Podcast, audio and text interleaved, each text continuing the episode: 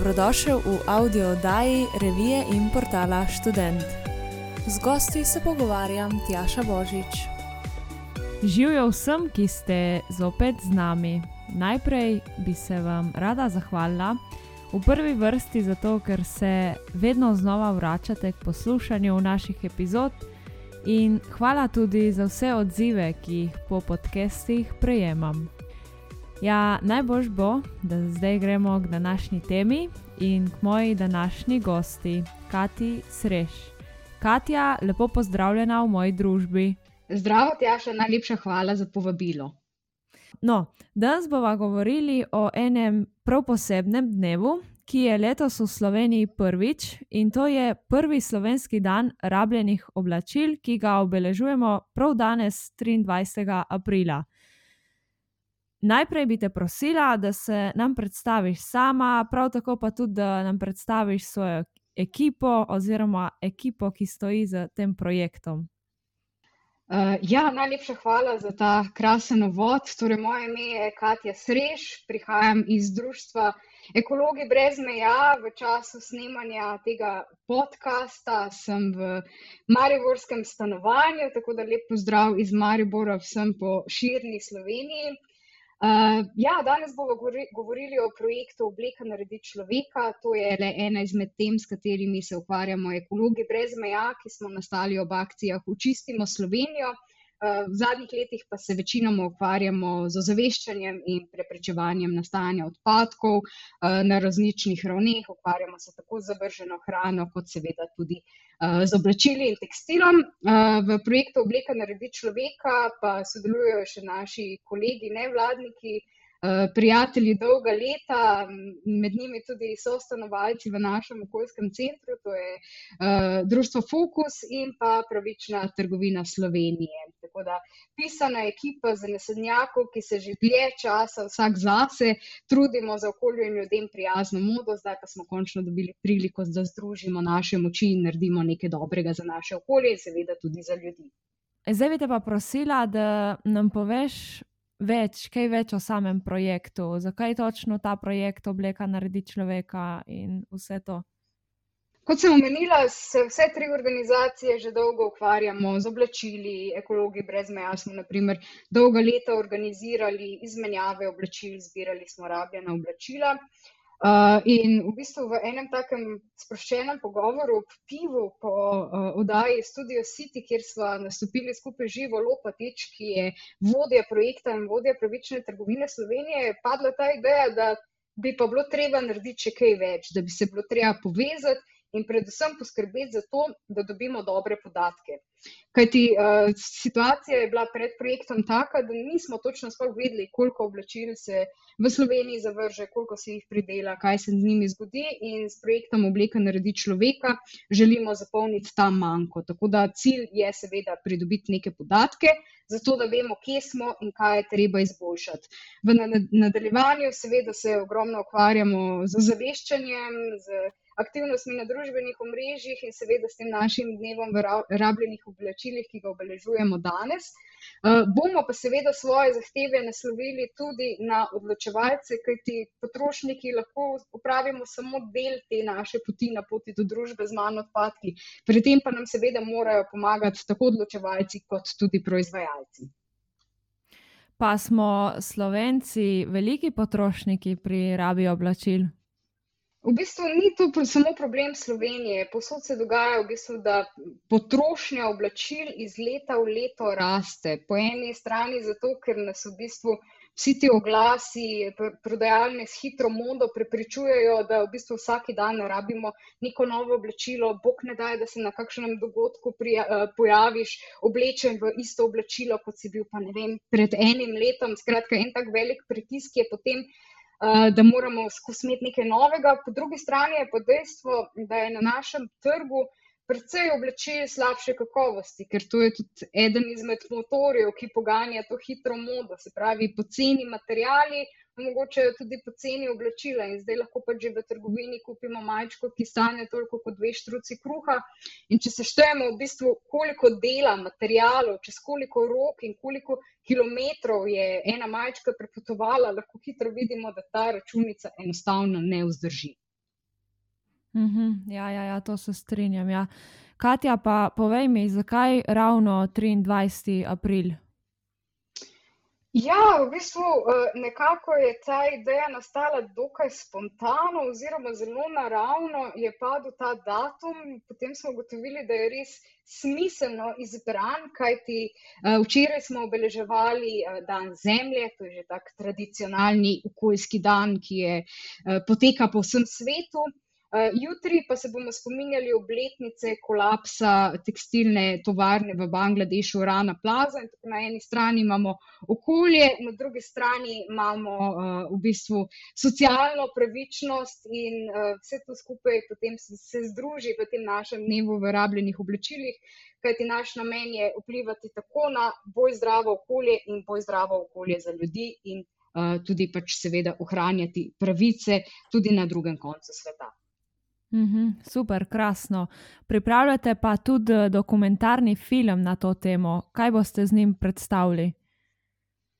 Eh, želimo pokazati, v bistvu, kaj se z oblačili dogaja v Sloveniji, želimo pokazati, kakšne alternative obstajajo. Skratka, združiti vse trenutno dogajanje uh, v Sloveniji na področju oblačil v eno tako zanimivo video obliko, ker nekaj takega trenutno še nismo zasledili pri nas in se nam zdi to velik manjko. Tako da ja, zbiramo ideje, vabljeni tudi, če imate vi kakšno dobro prakso, idejo, da se nam javite, z veseljem se pogovorimo, uh, vključimo in seveda sodelujemo, kajti uh, projekt oblika naredi človeka ni namenjen samo tem nam trem organizacijam, ampak je cilj, da združimo prav vse, ki se ukvarjajo z oblačili v Sloveniji, da naredimo končno nekaj dobrega in en ambiciozen premik naprej. Ja, bravo, jaz ne dvomim v to, da vam bo uspelo. No? Um, na vašem Instagram profilu, obleka naredi človeka, vsak teden potekajo tudi pogovori z različnimi strokovnjaki, ki se ukvarjajo z oblačili. Povej mi, kaj več o tem, kdo so gostje in o čem točno teče debata.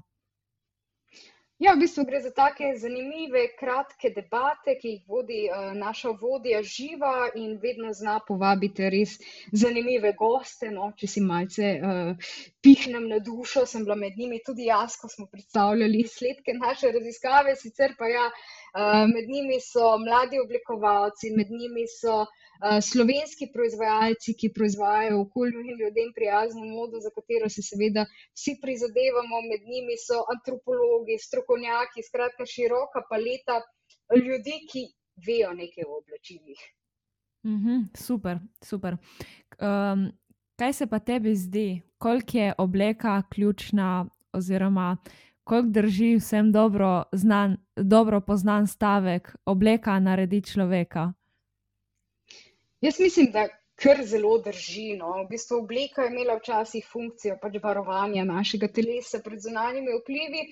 Zdaj ima funkcijo predvsem izkazovanja nekega stila, statusa, načina življenja. Uh, je pa žal tako, da uh, v bistvu vse te trgovine s hitro modo nam želijo vcepiti to neko individualnost, po drugi strani pa prodajajo pač iste zadeve in po ulicah hodimo tako rekoč isto oblečeni, tako da v bistvu ta individualnost ne gre nekako skupaj. Zato tudi poziv, da čim, več, čim večkrat posegamo po oblačilih iz druge roke, se jih izposodimo, eh, izmenjamo med kolegi, naprimer tudi s svojimi kolegicami to v bistvu redno počnem in na tak način skrbimo tako za svojo individualnost, kot pa tudi za to, da izkazujemo svoj odnos do okolja pa se sploh zavedamo dovolj, kaj se zgodi, ko oblačila recimo zavržemo. Kljub temu, da zavrženo oblačilo ni več v našem življenju, še ne pomeni, da izgine. Ne? Edin, eni materiali verjetno razpadajo dlje od drugih. A se sploh zavedamo, kako škodljive učinke ima to razpadanje oblačil na okolje zaradi vseh barvil, kemikalij? Jaz se bojim, da ne. In to je podobno tudi pri vseh ostalih uh, vrstah odpadkov, ko jih parkiramo v naše zabojnike na dvoriščih ali pa v zbirne centre, potem hitro pač pozabimo, kaj se s tem zgodi. Zato je prav, da se čim bolj izobražujemo, spremljamo takšne podkaste, kot je današnji, beremo članke, sledimo nevladnim organizacijam, ki so pogosto, smo pogosto eden izmed bolj kredibilnih virov informacij. Skratka, več, ko vemo, uh, bolj znamo tudi ukrepati in se tudi bolj pametno odločati. In ja, težava je, težavo imamo veliko z oblačili in tega se komaj zavedamo v zadnjih časih. Uh, in še ogromno energije, ozaveščanja in dela bomo mogli vložiti v to, da bi bilo odpadnih oblačil vse manj. Naša raziskava je namreč pokazala, da smo v letu 2019 v poprečju zavrgli več kot 12 kg oblačil na osebo. Morda se sliši malo, morda se sliši veliko, ampak uh, treba se zavedati, da na globalni ravni recikliramo manj kot eden, en odstotek vseh teh oblačil. In nekako nimamo nekega plana B, kaj zdaj narediti s tistimi oblačili, ko pridejo v komunalno podjetje. Žal je tako, da večina konča v sežigalnicah ali na odlagališčih in kot si rekla, seveda na tak način onesnažujejo okolje, ker večina teh oblačil hitre mode je prepojena s škodljivimi kemikalijami, ki potem razpadajo dolga leta. Skratka, en kup problemov je in če jih lahko rešimo na tak način, da premislimo, preden gremo v trgovino, je to že en dober korak. Torej, eno izmed mojih naslednjih vprašanj je bilo tudi, kaj bi bilo boljše od tega, da oblačila zavržemo, ampak si tako že omenila, da jih podarimo, oziroma si jih zmenjamo s prijatelji, oziroma jih podarimo organizacijam, ki poskrbijo, da oblačila prejmejo res tisti, ki jih potrebujejo. Tako da tu se mi je zdelo pomembno, da še enkrat podarime. Absolutno. Eh, dodala bi še nekaj in sicer, da je pomembno, da res skrbimo za ta naša oblačila, da imamo nek odnos do njih, da si raje privoščimo kak kos, ki morda stane malce več kot dve štruci kruha, ampak za ta kos oblačila bomo potem tudi raje skrbeli, bomo pogledali na etiketo, kako zares je treba vzdrževati ta oblačila in če se bo že karkoli um, pripetilo temu oblačilu, ga bomo tudi lažje in raje popravili. Skratka, pomembno je, da kupujemo pametno in predvsem, da imamo oblačila v svoji umari čim dlje časa. Mhm, mhm, mhm. Povej mi tudi kaj več o tem, kako lahko v tem projektu sodeluje posameznik, oziroma kako lahko sodelujemo kot organizacija.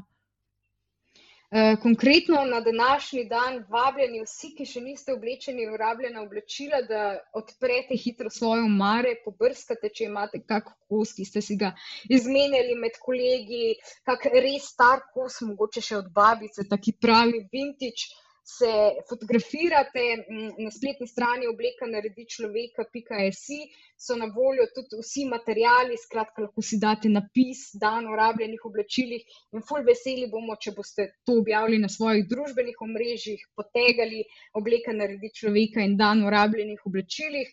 Kajti ugotovili smo, da je najboljši spodbojevalni dejavnik za to, da naredimo nekaj dobrega za okolje, prav zgled naših prijateljev, družinskih članov, skratka, da ti nekdo pokaže, da se jaz pa zgledam čist ok v rabljenih oblečilih.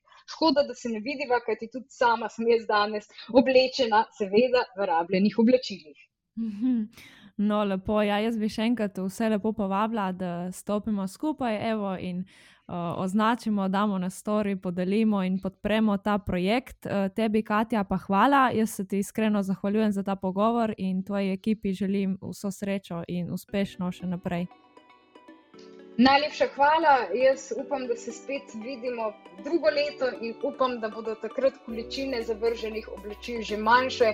Vsekakor pa verjamem, da nam bo skupaj, če bomo skupaj eh, povezani in sodelovali, to nekoč tudi za res uspelo in da takšnih dnevov več ne bomo potrebovali. Ja, iskreno si tudi to jaz želim. Hvala.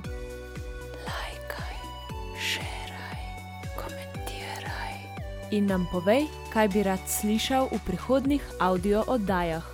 Ideje lahko najdeš v reviji Student in na spletnem portalu www.student.com.